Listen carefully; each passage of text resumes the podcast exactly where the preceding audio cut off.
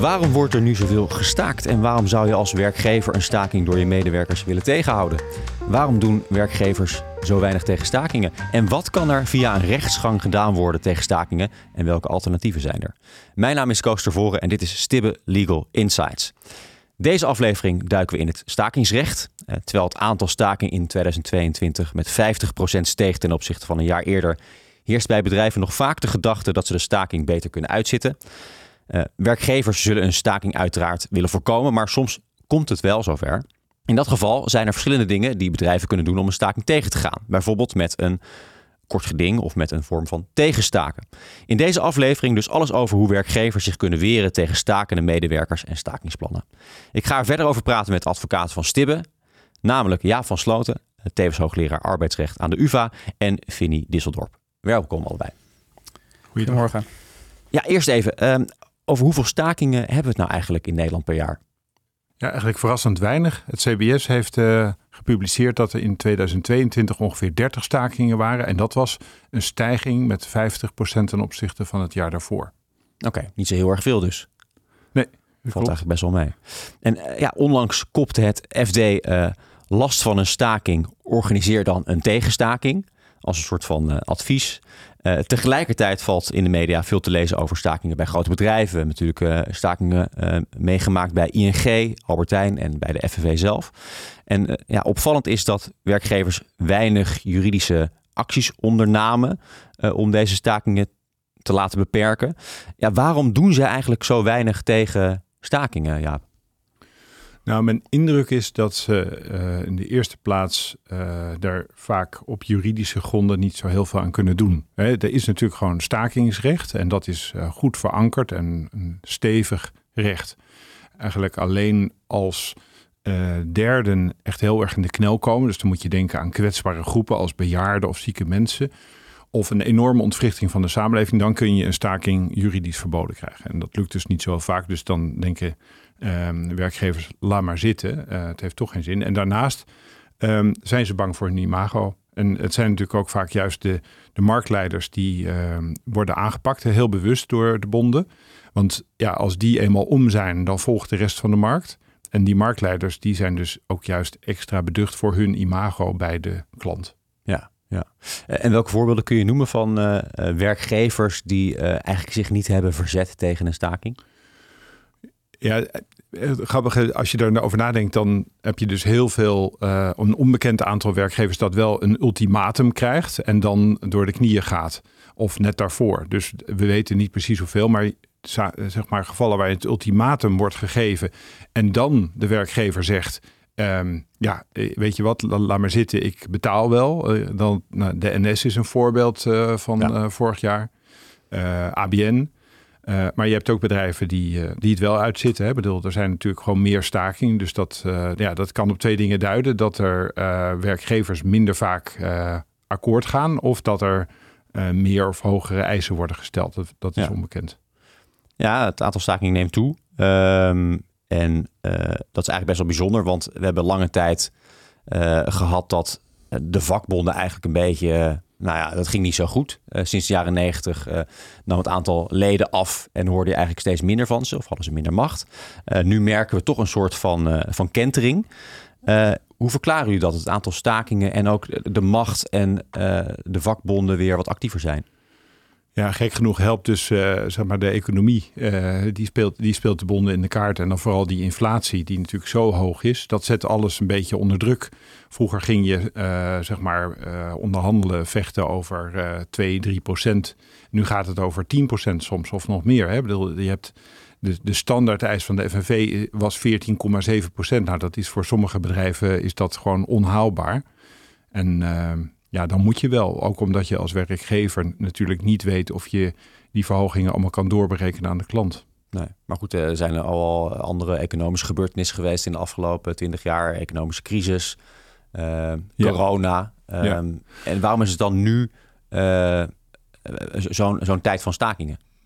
Nou ja, dus ik denk echt wel dat het een rol speelt dat mensen bang zijn en, dat ze het in hun portemonnee gaan voelen. Maar daarnaast is er ook wel ja, een maatschappelijk sentiment volgens mij. Hè. Denk aan Piketty, denk aan uh, de, de, de toeslagenaffaire. Ik bedoel, het hele idee van het bedrijfsleven moet maar eens eventjes hard worden aangepakt. Want uh, er is alleen maar uh, nou ja, zijn misstanden in de samenleving.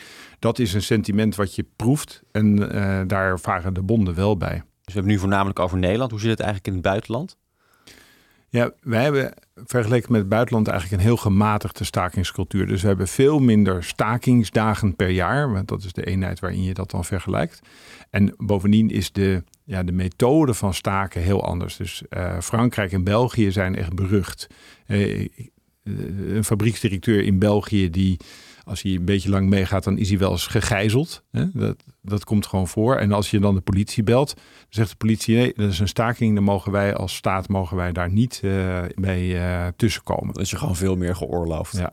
En, en uh, ja, misschien heb je dat filmpje al eens gezien, maar anders moet je maar eens kijken. Dat zijn woedende Air France-medewerkers die een HR-directeur over het terrein uh, zien lopen. En naar hem toe rennen en dan gewoon beginnen uit te kleden. En die man die probeert wanhopig over een hek te klimmen. Maar ja, zijn broek daar, daar blijft iedereen aan trekken. Dus hij eindigt wel aan de andere kant van het hek, maar niet met uh, medeneming van alle spullen. ja. Maar het ziet er toch heftig uit. Het ziet er echt heftig uit. En het is ook vaak heftig. Hè? Ik bedoel, alleen al in de gematigde cultuur in Nederland vinden mensen het eng om te staken. En mensen die niet staken, die vinden het ook eng. En uh, ja, het is gewoon.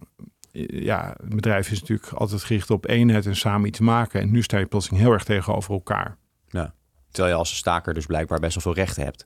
Ja, zeker. Maar dus misschien is het ook wel goed om te zeggen. Het is natuurlijk vanuit juridisch oogpunt spannend en interessant, maar het is uiteindelijk niet leuk.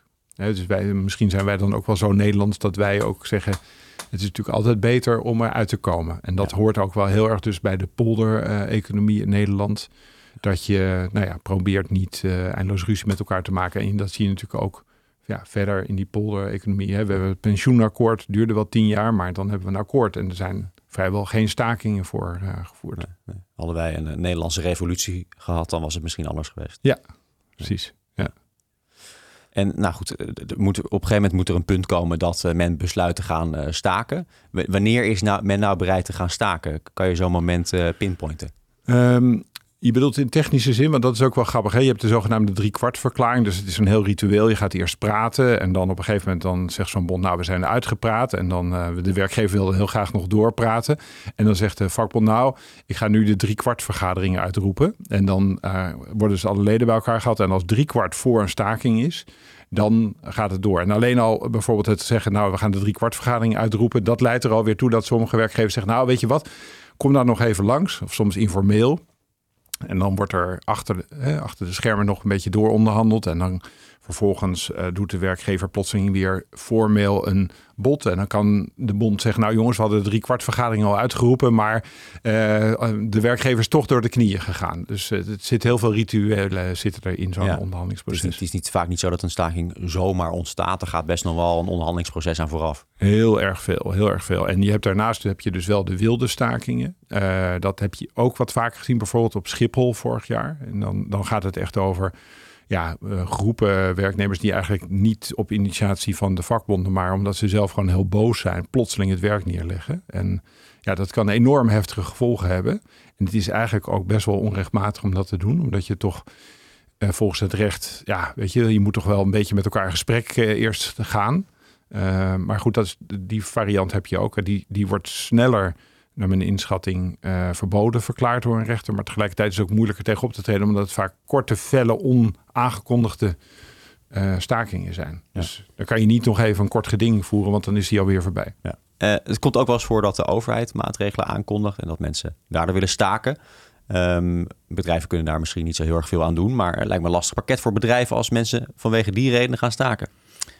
Ja, en dat noem je dan een, een politieke staking. het komt inderdaad toch wel geregeld voor. Ehm, denk aan de, de, ziekenhuizen waar ze gaan staken vanwege maatregelen in de overheid. Maar dat mag wel onder het stakingsrecht. Dus werkgevers moeten dat dan toch maar leiden. Tenzij ze dan dus weer kunnen aanvoeren dat, dat die staking onevenredige gevolgen heeft. Ja. Maar dat komt dus voor en het is wat het is, helaas. In de verhoging van de AOW-leeftijd, eh, toen, toen dat gebeurde, toen uh, hebben bijvoorbeeld uh, de vervoersmaatschappij, de, de tram maatschappijen in de grote steden die hebben gestaakt. Ehm, en dat is dan puur een overheidsbesluit waar zo'n trammaatschappij niks aan kan doen. Maar die moeten toch maar uitzitten. Ja, dan neemt het aantal stakingen toe, uh, stakingsbereidheid neemt toe, uh, macht van de vakbonden neemt er toe. Dus misschien goed om eens even te gaan onderzoeken uh, wat we er nou tegen kunnen doen. Of wat de werkgevers er tegen kunnen doen. Want ik neem aan, het, het, uitgangspunt is toch dat je moet voorkomen dat het tot stakingen komt, Vinnie.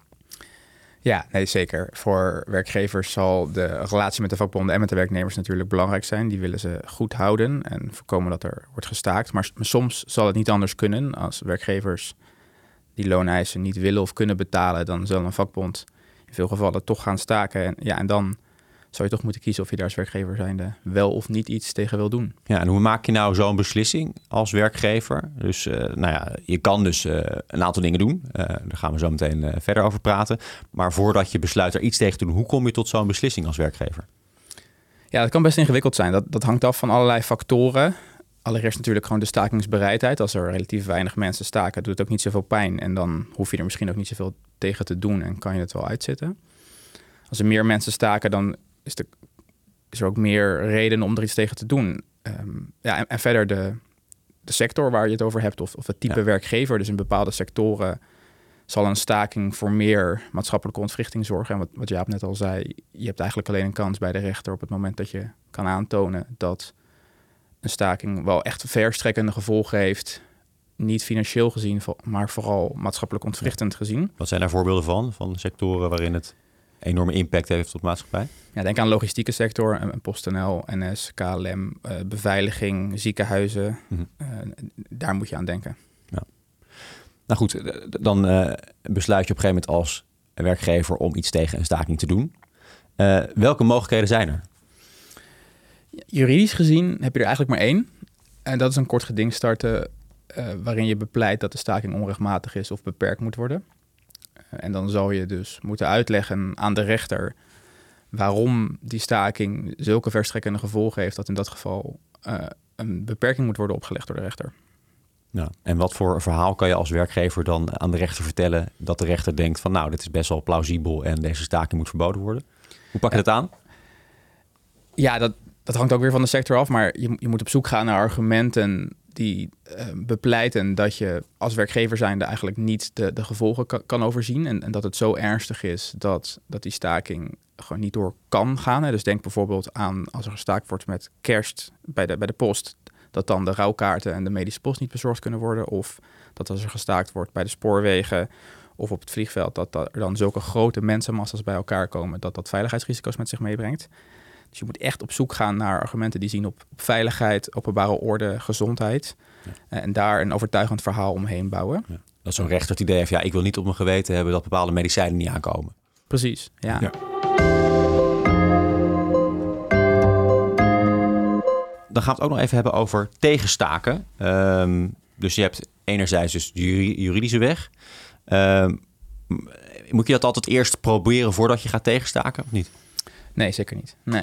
Je kan ook direct beginnen met tegenstaken. Ja, het grappige is dus ook dat in het verdrag waarin het recht op staken is erkend, is ook het recht op tegenstaken erkend. Dus dat is net zo'n sterk recht eigenlijk. Alleen daar zijn bijna nooit rechtszaken over, omdat werkgevers dat onvoldoende doen. Maar het kan en je mag ook zelf uh, bepalen wat voor tegenstakingsvorm je kiest. Dus staken is meer een soort. We denken dan bij staken aan je gaat niet naar je werk dat is bij werkgevers een beetje gek. Uh, maar het is eigenlijk meer een begrip van je kunt manieren doen om ja, buiten uh, de overeenkomst om uh, invloed uit te oefenen op werknemers of vakbonden om op te houden met of niet over te gaan tot een staking. Dus ja. dan kun je denken aan nou bijvoorbeeld andere werknemers inzetten.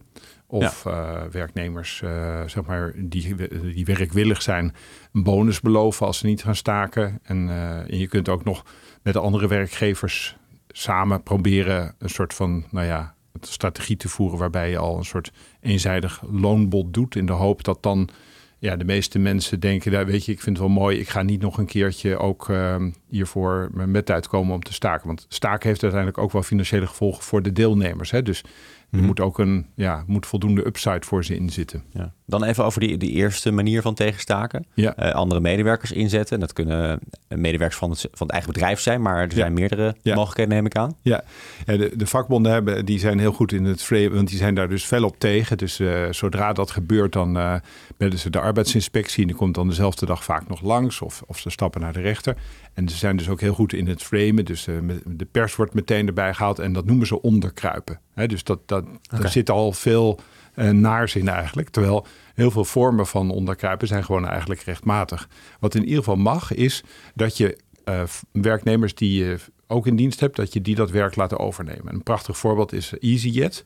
Die hadden te maken met de staking van de piloten op de basis Amsterdam. En die hebben gewoon ja, piloten uit Ierland eh, over laten komen om eh, de vluchten vanaf Amsterdam eh, te gaan oppakken. Ja, ja. Nou, tot aan de Hoge Raad over geprocedeerd en EasyJet heeft dat gewonnen. Dus dat, dat mag en dat helpt al. Je kunt bedrijfsprocessen kun je uitbesteden. Dat is soms handig en soms niet. Ja, je kunt niet, weet ik wat, eventjes het vakken vullen zo makkelijk uitbesteden, denk ik. Maar ICT-diensten of schoonmaakdiensten, ja, daar kun je soms, heb je al een leverancier. En dan als je eigen mensen staken, dan zeg je tegen, weet wat, Microsoft of eh InfoSource van, kun jij ook nog eventjes, eh, eh, nou ja, dit of dat erbij doen als er gestaakt wordt. Nou, dat, dat is ook toegestaan. Waar het lastig wordt, dat is uitzendkrachten. Daar is het eigenlijk omgekeerd. Daar mag het in beginsel niet. En daar zijn we nog op zoek. We als in, ja, wij in de samenleving eh, en de vakbonden. Van waar liggen nou precies de grenzen? Waarom mag dat niet met uitzendkrachten? Ja, het idee is dat eh, ooit uitzenden ontstaan is om eh pieken en ziek te helpen. En toen hebben de vakbonden op een wijs moment al heel vroeg gezegd... ja, maar het moet niet zo zijn dat dat een staking kan beïnvloeden. Want ga maar na, op het moment dat je altijd uitzendkrachten kan eh, inhuren... om een staking te breken, dan, dan is er geen lol meer aan voor de... Nee. Hè, dan Nee. is het snel voorbij. En de, dat, de Duitsers noemen dat Waffengleichheit. Hè, er moet er zeker evenwicht blijven. En ehm, ja, die wordt doorbroken als je eindeloze uitzendkrachten kan inzetten. Tegelijkertijd, de uitzendkrachten die je al had toen de staking werd aangekondigd, die mag je houden. Dus ja, dat is. En, som, en die mag je dan weer niet inzetten voor het werk dat door stakers wordt gedaan. Dan nog even over die eh, bonussen. Ja. Ehm, aan wat voor bedragen moet ik denken? Ik neem aan dat iemand die overweegt gaan staken zich niet laat verleiden door 200 euro. Nee, en ik, ik hoor er weinig van. Dus dit is een. eh, nou, het is niet een theoretische mogelijkheid, want af en toe zie je er een, eh, een rechtszaak over. En je ziet ook dat eh, rechters er wel kritisch over zijn. Ik denk ook dat je best een, een aardig bedragje moet betalen. En dat het misschien meer achteraf ook bedoeld is voor werkgevers om. Nou ja, kijk, je moet niet vergeten dat als er veel gestaakt wordt, dan zijn er uiteindelijk altijd andere mensen die de rommel moeten opruimen. Want Ja. het werk gaat gewoon door. Ja. En eh, die mensen wil je natuurlijk ook een beetje een gevoel geven van, weet je, ik heb gezien dat jij eh, in ieder geval eh, goed je best hebt gedaan.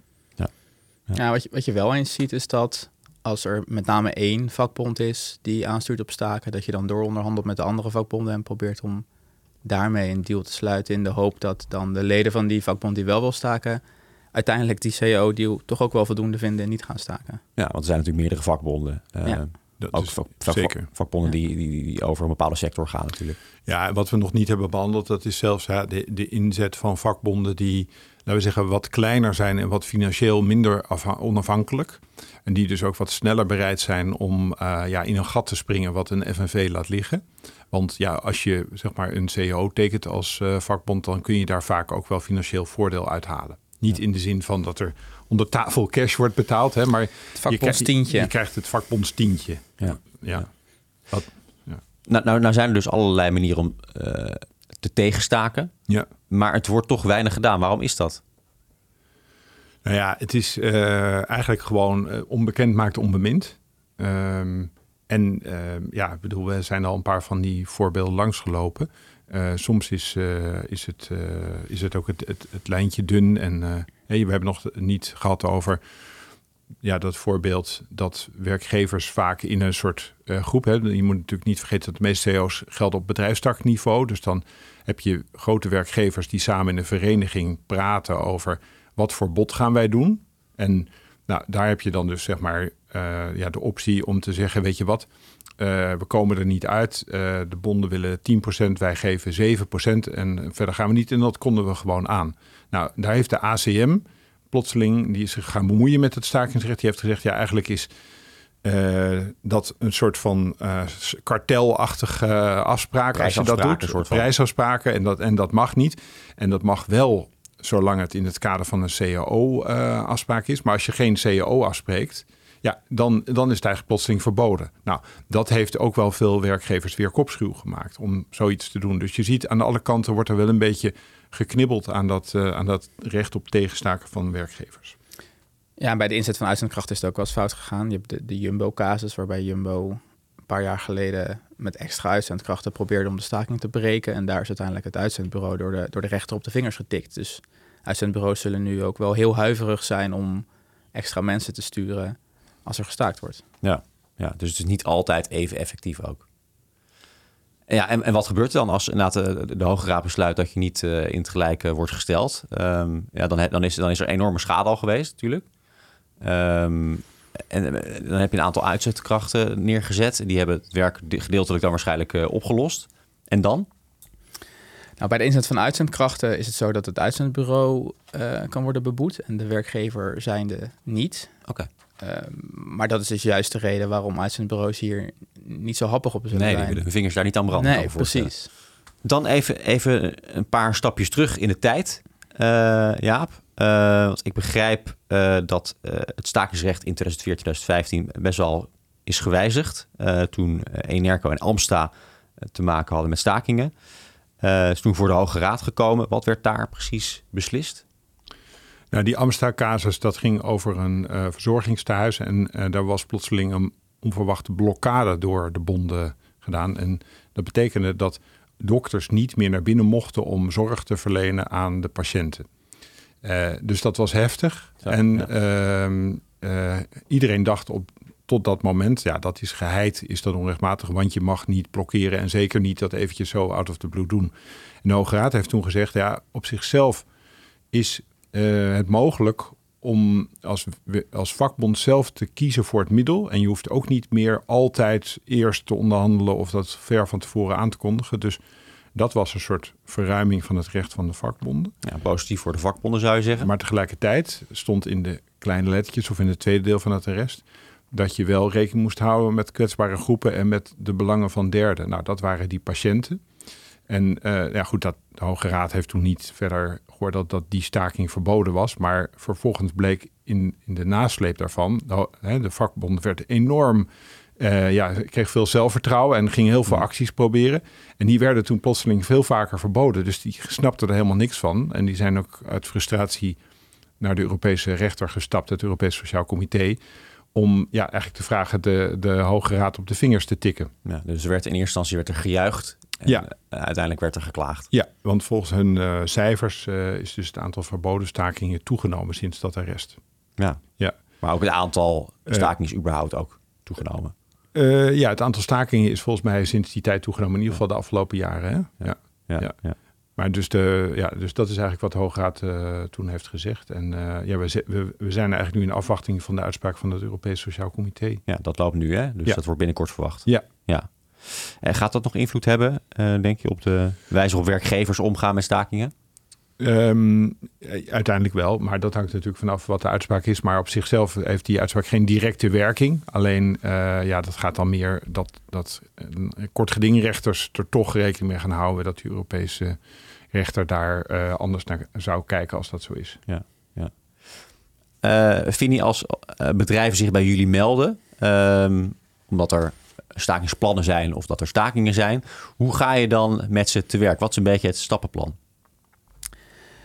Ik denk dat we eerst met ze bespreken of er ruimte is om misschien via de rechter een beperking van de staking uh, te vorderen. Dat hangt dus heel erg af van de sector waar het in afspeelt en welke staking er eventueel komen, de stakingsbereidheid. Dus, dus dat is echt goed met elkaar in gesprek gaan en kijken welke argumenten er eventueel zijn om een staking te beperken. En daarnaast, of eigenlijk in aanvulling daarop, uh, meekijken met communicatie met vakbonden. Dus als er een ultimatum komt, hoe reageer je daarop? Wat zet je wel in zo'n brief, wat zet je niet in zo'n brief? Uh, maar ook vooral meedenken over hoe je de veiligheid uh, en de belangen van je werknemers kan borgen. Hè? Dus, dus hoe kan je ervoor zorgen dat zo'n staking niet helemaal uit de hand loopt? Welke veiligheidsmaatregelen moet je met de vakbonden afspreken? Uh, eigenlijk meerdere elementen spelen dat. En het, het, het, het, leuke daaraan is, dat moet allemaal heel snel hè, natuurlijk. Want zo'n staking wordt soms aangekondigd een dag van tevoren of twee dagen van tevoren. En binnen die paar dagen moet dan alles gebeuren. Dus dat maakt het heel dynamisch en leuk natuurlijk. Uh, maar ook heel belangrijk. Ja, en je bent dus op heel veel verschillende uh, manieren ben je uh, met een staking bezig. Hè? Dus je bent met werknemers bezig, je bent een werkgever bezig, je bent misschien sectorbreed bezig, je bent misschien via een juridische gang ga je bezig, je gaat misschien dingen verzinnen om tegenstaken. Ja. Best wel, best wel een, een, een, een interessante casus telkens, kan me voorstellen. Ja, en je moet heel erg diep in de bedrijfsprocessen van, uh, van je cliënt uh, stappen om te begrijpen waar de kwetsbaarheid zit en om dat dan te kunnen uitleggen aan een rechter op een simpele manier. Want ja, wat Vinnie zegt, je hebt één, twee dagen soms om een rechter. Hè, dan bel je op zondagavond een rechter op die net uh, twee glazen wijn op heeft. En ja, ik wil morgenmiddag wil ik uh, bij u langskomen. Nou, dan zegt hij altijd ja, je bent welkom. En dan moet je op dat moment moet je eigenlijk uh, full speed zo'n verhaal in elkaar zetten. Ja. gelukkig lukt het ons ook af en toe. Vorig jaar voor PostNL bij de rechter een staking laten verbieden. Ja, en de, in het arbeidsrecht wordt uh, wel het gezegd gehanteerd dat de, de staking is de koningin van het arbeidsrecht.